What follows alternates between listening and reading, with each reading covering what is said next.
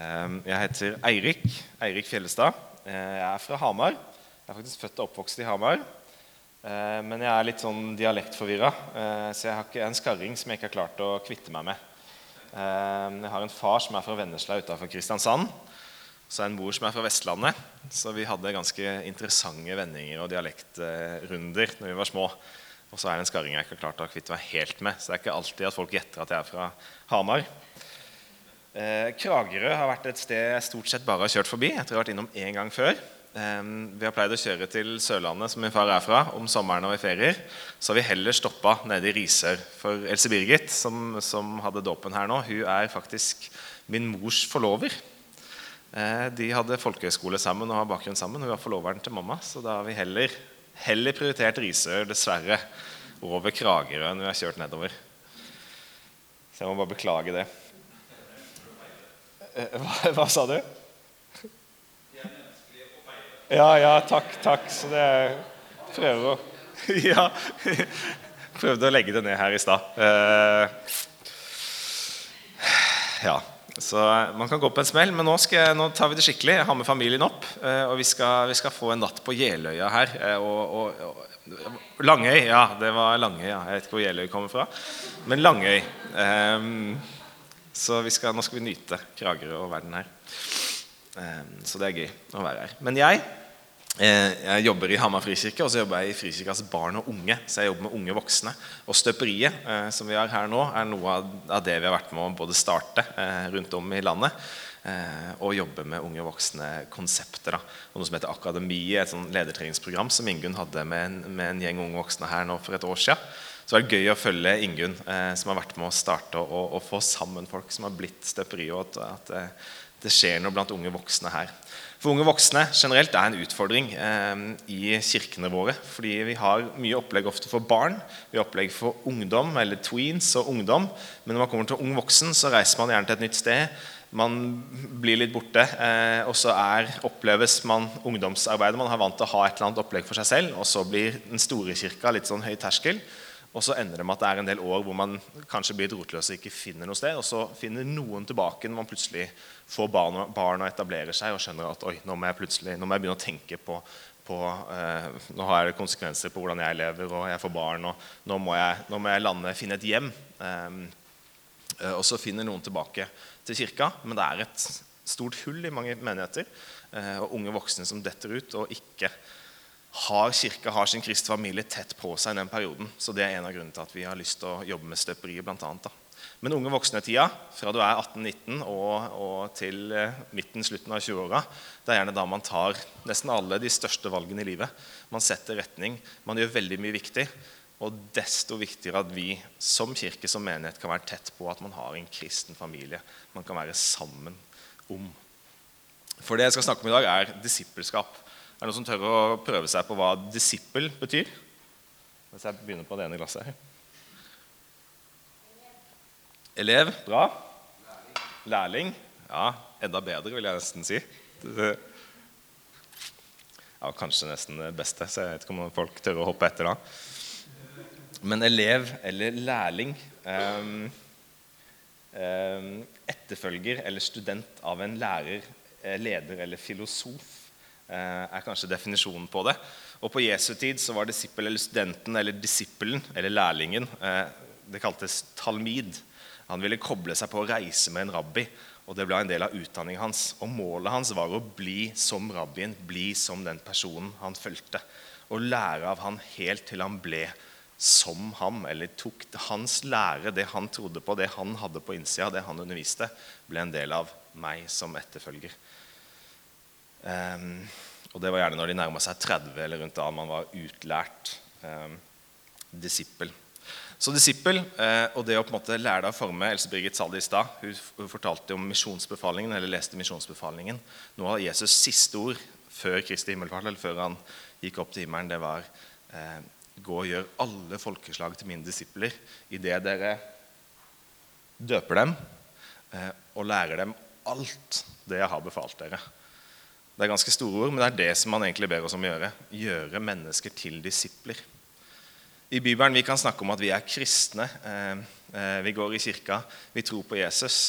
Eh, men det å være kristen det er kanskje to eller tre ganger i Bibelen det står 'kristen' eller 'Kristi etterfølger'. Det står veldig lite om det, men over 200 ganger blir ordet 'disippel' brukt. Det å være en som ikke bare tror på, på en måte Jesus, men en som følger etter, som går tett på og ønsker å bli lik han. Um, bare nå i starten, bare tenke, vi, bare, vi, skal stoppe og tenke litt for din egen del. Da. Hvem er det som har formet deg i livet? Hvem er det som har på en måte påvirka? Dette blir veldig konkret når vi ser et barn som døpes. For da blir det veldig tydelig her er det noen foreldre, og de vil være de som mer enn noen påvirker og former. Og så har du noen faddere du har med, som er nært på, du har mennesker som kan være med å forme. Men bare prøv å stoppe opp litt og tenk nå. Hvem er det som har forma deg, både den du er, og til den troa på Jesus eh, du eventuelt sitter med? Bare tar et halvt minutt, bare kan gjerne lukke øynene, bare tenk tilbake.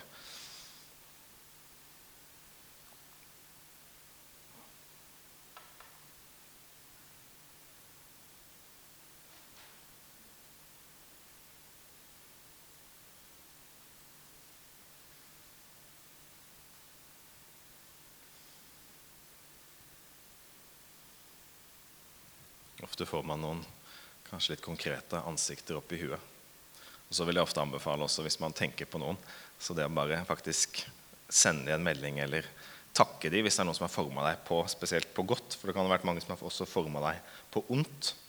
Ehm, men det å faktisk ære dem og fortelle dem hva de har hatt å si. Ehm, for det er ofte noe vi kan, og som dere merker, for dere også, og det skal jeg komme tilbake til her i Disippel, det å være en disippel handler også om å gå ut og være med å forme andre, gi videre, fortelle eh, om Jesus og det du har fått til andre. Og du er med og former andre, selv om du kanskje ikke tror det eller mener det selv. Så gjør du det. Igjen, med et barn så er det helt tydelig. Du kan ikke bare si at ja, ja, men det her fikser læreren og, og, og barnehagen og diverse. Men, men, samme hvor lite eller mye eh, eh, intensjonell du er i den formingsprosessen, så er du med og påvirker. Jeg merker det med mine, jeg har to gutter her på tre og fem. som dere kanskje så i sted. Men du ser hvordan plutselig han på fem begynner å oppdra han på tre eh, på akkurat samme måten som jeg oppdrar han på fem på, og begynner å kan kjefte på han og teller til tre og gjør liksom akkurat de samme tingene som jeg gjør. Og det har jeg aldri bedt han om å gjøre. Men han er ikke så nødvendigvis opptatt av akkurat hva jeg ber han og sier og lærer han opp til å gjøre. Men han gjør som pappa gjør. Eh, og det er kanskje sånn vi mer enn noe blir forma. Vi gjør sånn som de som er tett på oss, eh, de som vi ser opp til, eh, gjør.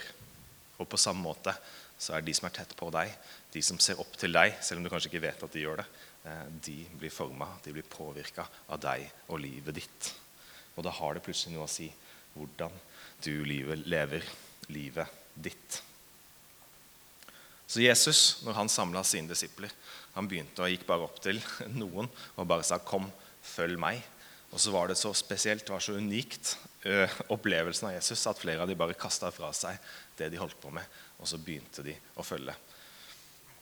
Og da sa Jesus, 'Kom, følg meg, og jeg vil gjøre dere til menneskefiskere'. Så oppdraget en disippel er å fiske mennesker. Hensikten og målet er å en, følge Jesus og bli kjent med ham. To, lære av Jesus og faktisk bli lik han. Og tre, det å lede mennesker til Jesus og gjøre nye disipler av han. Og igjen, det her du former og du gjør disipler om du tror det eller ikke. Så jeg vil utfordre deg, og det kommer jeg tilbake til, er det at du vær bevisst den rollen du har, og bruk den. Og du har en rolle. Det er lett å se på ja, de som står her fremme, eller de andre her som gjør så mye godt og, og viktig. Kanskje de har en sånn rolle, men ikke meg. Det er ingen som tar etter meg. Og det er ikke sant. Du har mennesker i livet ditt. Det er folk som blir påvirka av deg. Um, på godt og kanskje på vondt. Uh, så desto viktigere at du vet hva du gjør. Du er intensjonell i forhold til livet du lever. Um, og du er klar over hva du gir videre. Um, Når du ser og leser i Bibelen og leser evangeliene, det er historien om Jesus, eh, så leser du ofte du har disiplene. De var de som fulgte tett på.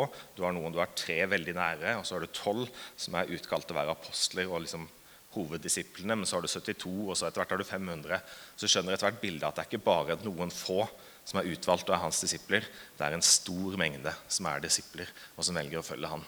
Så du har disipler, og så har du diverse skriftlærere, fariseere, andre grupperinger som blir stressa av at Jesus har så stor påvirkning og innflytelse. De føler seg trua, og de blir motstanderne til Jesus og prøver å både eh, diskutere mot han og rakke ned på han, eh, og etter hvert eh, tar til grep hvor de, det som ender til slutt med at de henretter han. Eh, men de er redde enten for at de skal miste innflytelse, eller så er de bare generelt bekymra for hvordan, hvis det blir veldig mye oppstyr her rundt Jesus, han skaper så mye styr rundt seg, så kommer Roma, som har okkupert landet, de kommer til å komme og slå ned og ødelegge for oss. Så de prøver å beskytte og prøver å bevare. Og så blir de motstander. Men så har du en tredje gruppe, og det er folkemengden. Og Den kan vi lett overse litt, men, men, når du leser om Jesus, så er det veldig mye folkemengden. og Det kan være tusenvis av mennesker som følger etter Jesus som en del av folkemengden. Og det her er en gruppe som er med, og det kan være spennende. Og litt sånn som vi også, hvis vi i kirken vår i dag vi, kan ha, vi ønsker å fylle opp og samle masse folk skal få høre, og det er kult. Men Jesus var ikke fryktelig opptatt egentlig av det. Han Ofte prøvde nesten å stikke av fra folkemengden, for de bare tok opp masse tid og oppmerksomhet, og så endte han med å bruke tid på alle og ingen. Eh, han var opptatt av å investere inn i de menneskene som orka, virkelig ønska å følge han, og være all in og legge livet bak seg og sa nei, jeg vil følge deg, Jesus, som Herre. For folkemengden de kan følge etter han. De er med når det skjer noe spennende. De, de syns det er fantastiske mirakler, og når det er action og når det er liv, så følger de med. Men når, det plutselig, når Jesus begynner å kreve ting, så ser du at de snur og går en annen vei. Så Det mest konkrete eksempelet på det her, hvordan folkemengden funker, er hvis du tenker på påskeuka. Så ser du i starten av påskeuka, eh, på palmesøndag, så kommer Jesus inn, og folk har store forventninger. Og de hyller han som konge, og du har masse en stor folkemengde som veiver med blader og, og, og sier Og nå, nå kommer kongen.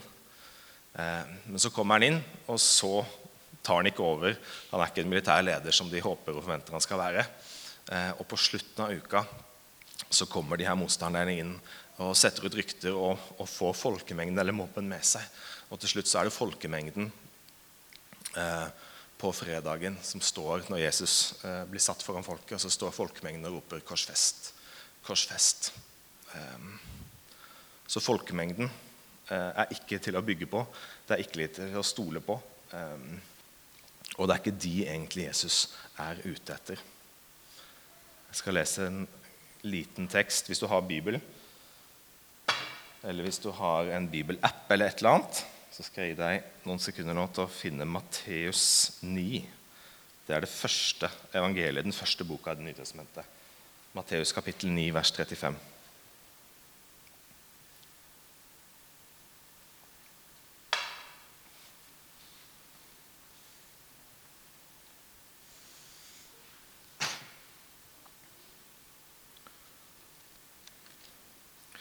Matteus 9, 35, eh, så står det Jesus vandret nå omkring i alle byene og landsbyene.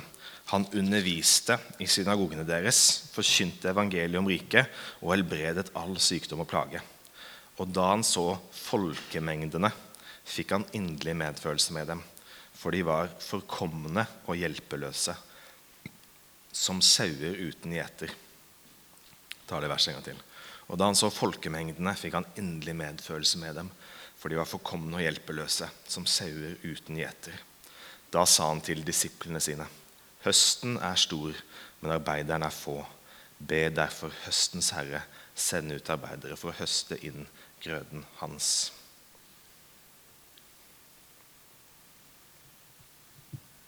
Folkemengden var forkomne og hjelpeløse, som sauer uten gjeter.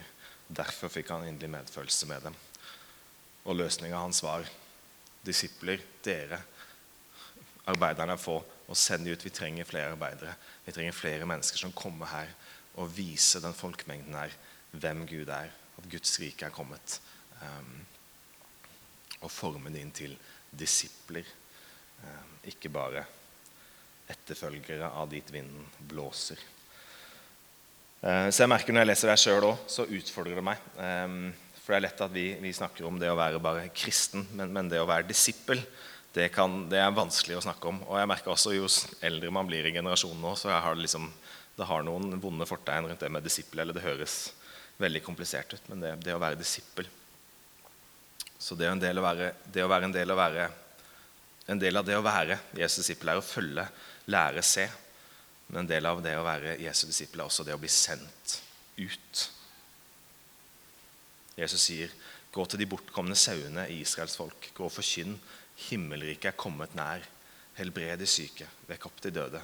Gjør spedalske rene, og driv ut onde ånder.' 'Gi som gave det dere fikk som gave.' 'Gi videre det dere har fått av meg.' Så de blir sendt ut og livet deres påvirker andre mennesker. Andre er avhengig av dem. De lever for mer enn seg selv, også i livet som disipler. Troen deres er ikke en privatsak, det er noe som de åpent snakker om. Um, livet deres, valgene de tar, den de er når ingen ser på, har noe å si. For det påvirker de man er sendt ut til. Så en disippel gikk med Jesus, lærte av Jesus, prøvde å bli som Jesus. Ble sendt ut av Jesus og var overgitt av ham. Han var all in, og Jesus var herre i livet hans, i livene deres. Og den de ønska å leve for. Så det høres ganske heftig ut. det å være kalt til å være en disippel, eh, det er ikke noe jeg får til. Det er ikke noe vi får til i egen styrke. Og det er der de gode nyhetene og det fantastiske med også pinsedagen kom. Um, er det noen som vil kaste ut hvorfor? Hva er det vi feirer pinsa? Jeg tar litt vann, jeg, så jeg venter.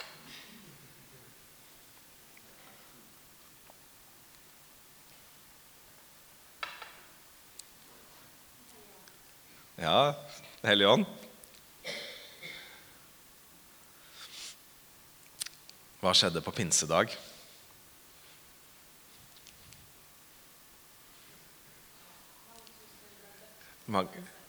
Ja, tusener ble døpt og sendt ut. Den hellige ånd kom og falt på folket. Um, for Det høres flott ut å være disippel, men det er fryktelig vanskelig. Oss. Hvem, av, vanskelig. Hvem av oss klarer det? Hvem er gode nok? Um, og når disiplene gikk, så fulgte de Jesus, og det var veldig bra. De var, det var mye måte, som krevdes av dem, eh, og de måtte ta til seg mye av han. Men samtidig gikk de jo tett på i eh, steg med Jesus. Eh, de var nær Jesus. Og da tenker jeg også, Hvis jeg hadde gått så tett på Jesus, så tror jeg ikke det hadde vært så veldig vanskelig å være kristen, selv om det var sikkert utfordrende. Og det var mye undervisning og ting Jesus sa som var utfordrende, og som, som dytta folk vekk. Eh, men det var forutsigbart på en måte, for de var i trygge hender. Selv om det var uforutsigbart å følge Jesus for hva han kunne finne på å si, og hvem han kunne få til å eh, bli forbanna på han. Det, det visste du aldri når du våkna om morgenen. Men så plutselig døde Jesus. Og Da ser jeg for meg at for disiplene så må jo alt ha rakna helt. Selv om han sa og fortalte han skulle dø. Så det å virkelig skjønne det, det ser du at de, de skjønte det ikke. Men så sto han opp igjen, og det var plutselig håp. Eh, og nå tenkte de nå skal Jesus nå skal han ta, ta ansvar, nå skal han bli konge. Eh, nå skal vi få det nye Davids-riket vårt, og vi skal få, få romerne ut av landet. Eh, og Det var det de trodde han skulle gjøre, men nei, sa Jesus. Han ba de gå ut i hele verden og gjøre alle mennesker disipler. Døpe dem, lære dem alt det Jesus har lært dem. Og så forlot han dem og dro opp til himmelen. Og så satt de forvirret og usikre igjen, som sauer uten en gjeter. Um, men med et løfte om en hellig ånd som skulle komme og være der og være egentlig Jesus og ha den rollen Jesus hadde. Bare uavhengig av å være låst til en fysisk person, en fysisk sted. Så Det fikk de et løfte om, men allikevel satt de der. Og Så kom pinsedag. Um, og Disiplene beskrives at de, de sitter låst i et, i et, eget rom og er redd for folk rundt seg.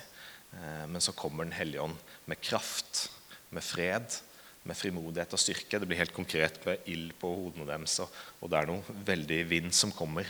Og det blir veldig fysisk. Um, og de taler og babler i tunger og alle mulige slags tungemål. Folk tror de er fulle, og de velter ut på gata, og så begynner de å snakke. Og til slutt, som ingen sier, samler de flere tusener, og så begynner Peter, som er lederen, å forkynne med frimodighet, noe han ikke gjorde når han sto der i egen kraft. Eh, han hadde også gjemt seg som de andre, men når han ble fylt med Den hellige ånds kraft, så turte han å gå ut, så turte han å stelle seg frem. Og så forteller frimodig midt i Jerusalem. Eh, og så fortsetter historien, og de bryr seg ikke lenger så fryktelig mye i hvert fall om hva folk tenker. De opplever fengsel, de opplever forfølgelse, men de lever. De både reddes fra fengsler og de blir helbreda. Men samtidig er det noen som dør i fengsel, og det er noen som dør av sykdom. Men de står for det, her, de sprer evangeliet, og evangeliet sprer seg først til Jerusalem, og så videre til Judea Samaria, landet rundt, og så videre til verdens ender, som Jesus har befalt dem. Og den bevegelsen har gått gjennom tid og rom de siste 2000, år siden, 2000 årene. Så nå i nesten alle verdens avkroker så har folk hørt om Jesus. Og evangeliet om Jesus er blitt spredt. Så de fikk et stort oppdrag og et stort kall, men de gikk ikke alene. De fikk Guds kraft, Guds hellige ånd, i seg. Og det er veldig gode nyheter. For vi klarer ikke være lik Jesus. Men Den hellige ånd, Jesus, som bor i oss, kan gjøre det. Um, Jesus døde for oss mens vi ennå var syndere. Vi var fortapt i oss selv. Vi klarte ikke frelse oss selv. Vi klarer ikke være gode nok. Derfor er vi kristne. Derfor er vi disipler. Derfor fordi vi har funnet en som er god nok for oss. Jeg skal lese én sekvens til, så jeg vil gjerne at dere slår opp hvis du har muligheten. En bibelapp eller bibel i Efeserne, kapittel 2, som bare oppsummerer det Jesus gjorde for oss.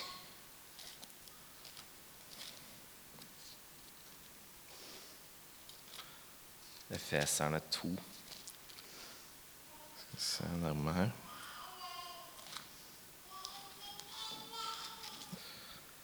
Dere var en gang døde pga. deres misgjerninger og synder. Dere levde eh, i dem på den nåværende verdens vis og lot dere lede herskeren i himmelrommet med den ånd som nå er virkelig virksom i de ulydige. Ja, vi levde alle en gang som de. Vi fulgte lystne i vårt eget kjøtt og blod og lot oss lede av det og av våre egne tanker. Vi var av naturen under Guds frede, vi som de andre. Men Gud er rik på barmhjertighet. Fordi han elsket oss med så, en så stor kjærlighet, gjorde han oss levende med Kristus, vi som var døde pga. våre misgjerninger. Av nåde er dere frelst. I Kristus Jesus har han reist oss opp fra døden sammen med ham og satt oss i himmelen med ham. Slik ville han i de kommende tider vise hvor overstrømmende rik han er på nåde, og hvor god han er mot oss i Kristus Jesus. For av nåde er dere frelst ved tro. Det er ikke deres eget verk, men Guds gave. Det hviler ikke på gjerninger for at ingen skal skryte av seg selv. For vi er Hans verk, skrapt i Kristus Jesus til gode gjerninger, som Gud på forhånd har lagt ferdig for at vi skulle vandre i dem. Jeg tar det siste verset en gang til. For vi er Hans verk, skapt i Kristus Jesus til gode gjerninger, som Gud på forhånd har lagt ferdig for at vi skulle vandre i dem. Vi er Hans verk han har på forhånd lagt ferdige gjerninger som vi kan vandre i, og vi kan gå i hans kraft, i Den hellige ånd, eh, som bor i oss, som tar bolig i oss og blir en del av oss når vi omvender oss og tror på Han.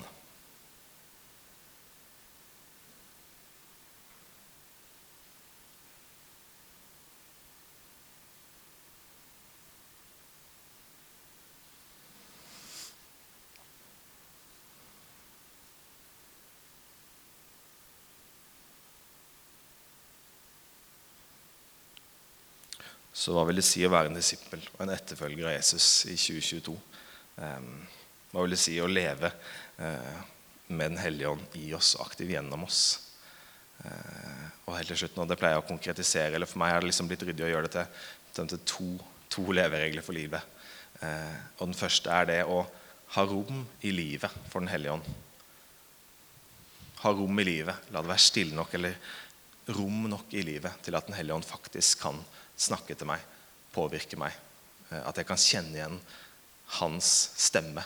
Og hans stemme kan en sjelden gang være en tydelig stemme i hodet. Det, men det kan være et bilde. Det kan være noen som sier noe til deg som du bare kjenner at dette var for Gud. Eller noen man hører i kirka, eller når man leser Bibelen. Men det er faktisk at det er rom nok i livet. Jeg blir ikke dratt av gårde alt mulig eh, på mobilen eller på hva som helst. At jeg faktisk har rom i livet hver dag til at Gud kan snakke til meg, og jeg kan kjenne det igjen. Um, det var en jeg snakket om nå bare for et par dager siden. Han snakka om en hellig ånd. og En hellig ånd er symbolisert som en due eh, i, i, tradisjonen. Og Han kom som en due over Jesus eh, på et punkt i Bibelen. Og en due eller en fugl, hvis du sitter, sitter et sted så hvis, den, hvis du stresser rundt, så holder den seg unna. Hvis du kommer løpende eller traskende, så flyr den vekk. Hvis du sitter stille eh, og er tilgjengelig, så kan den bevege seg bort og til og med sette seg på deg. Um, og at det er kanskje et fint bilde av hvordan Den hellige ånd funker. Eh, vi så på pinsedagen at han fylte opp de, og de var klare, og det var liv og action. Men jeg tror også Den hellige ånd som en due. Eh, hvis ikke du har rom nok og er stille og er faktisk åpen, og at det er åpent både i hjertet og hodet eh, til at han kan få plass, så, så er det ikke sikkert han trenger seg på heller. Så en, ha rom i livet for Den hellige ånd. Og nummer to være villig å gå når han snakker. Så én ting er å kjenne igjen eh, at han sier noe. En annen ting er å faktisk tørre å stå i det, tråkke ut i det. Um, for vi er Hans verk, skapt i Kristus Jesus til gode gjerninger som Gud på forhånd har lagt ferdige for at vi skulle vandre i dem. Han har lagt ferdig, så vi skal vandre i dem, så vi kan gå i det. Um, når han ber deg snakke eller si noe, tør å faktisk gjøre det når han peker på synd i livet ditt eller ting som binder deg eller stenger for din relasjon til Gud. Faktisk bekjenne det. Eh, be om tilgivelse. Få det ut i lyset. Ta de vanskelige valgene som du opplever at han kaller deg til, men som er vanskelig å gjøre. Fortelle, snakke. Um, og det å legge seg selv ned og ta og gjøre ting som er til gode for andre, eh, heller enn deg selv først. For du er kalt til å være en disippel, og du vil også, du er med, og du er med å påvirke andre mennesker. Om du vil det eller ikke, om du vet det eller ikke, så blir mennesket påvirka av det livet du lever. Hvem er det Gud har satt i livet ditt som du er med å påvirke? I stad tenkte vi på hvem som har påvirka deg. Nå vil jeg ta et lite halvt minutt til og bare tenke hvem er det som blir påvirka av deg? Så bare du kan lukke igjen øynene litt og bare tenke.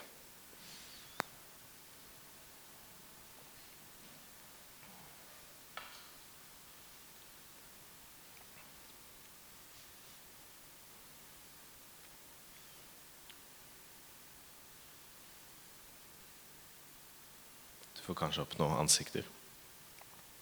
Er det plass i livet ditt til de her? Gir du Den hellige ånd rom til å bruke deg i møte med disse menneskene? Jesus sier dere er verdens lys. En by som ligger på et fjell, kan ikke skjules. Heller ikke tenner man en lampe og setter den under et kar. Nei, man setter det på en holder, så lyset kan skinne for alle i huset. Slik skal deres lys skinne for alle mennesker, så de kan se de gode gjerningene dere gjør, og prise deres far i himmelen. Dere er verdens lys. Om du vil det eller ikke. og du står ikke alene. Du har din kristne familie, eh, og du har Den hellige ånd, Gud selv, som faktisk bor i deg. Som ønsker å snakke til deg, snakke i deg, snakke gjennom deg. Og lagt ferdige gjerninger for deg. Så gode far, takk for at du har gitt oss livet. Du har tatt oss fra død og vår egen fordervelse, egoisme, um, og det å være natur, naturlig under din vrede. Syndige mennesker. Uh, du har møtt oss. Du har dødd for oss. Du har gitt oss livet. Du som ikke visste av synd, ble til synd for oss, så vi i deg kunne få din rettferdighet. Takk for at du har gjort oss rettferdige. Og takk for at du ikke har bare sendt oss ut på egen hånd, i vår egen styrke og våre egne menneskelige tilkortkommenhet, både i hjertet og i huet. Eh, men du har gitt oss din Hellige Ånd, som bor i oss, som kan brenne i oss, og som kan bruke oss både når vi vet det, og når vi ikke vet det. Gode Far, må din Hellige Ånd få rom i livene våre. Fyll oss med fred, kjærlighet, tålmodighet, frimodighet, ekthet, gavmildhet, gjestmildhet, overbærenhet. Og mennesker som lyser av deg. Amen.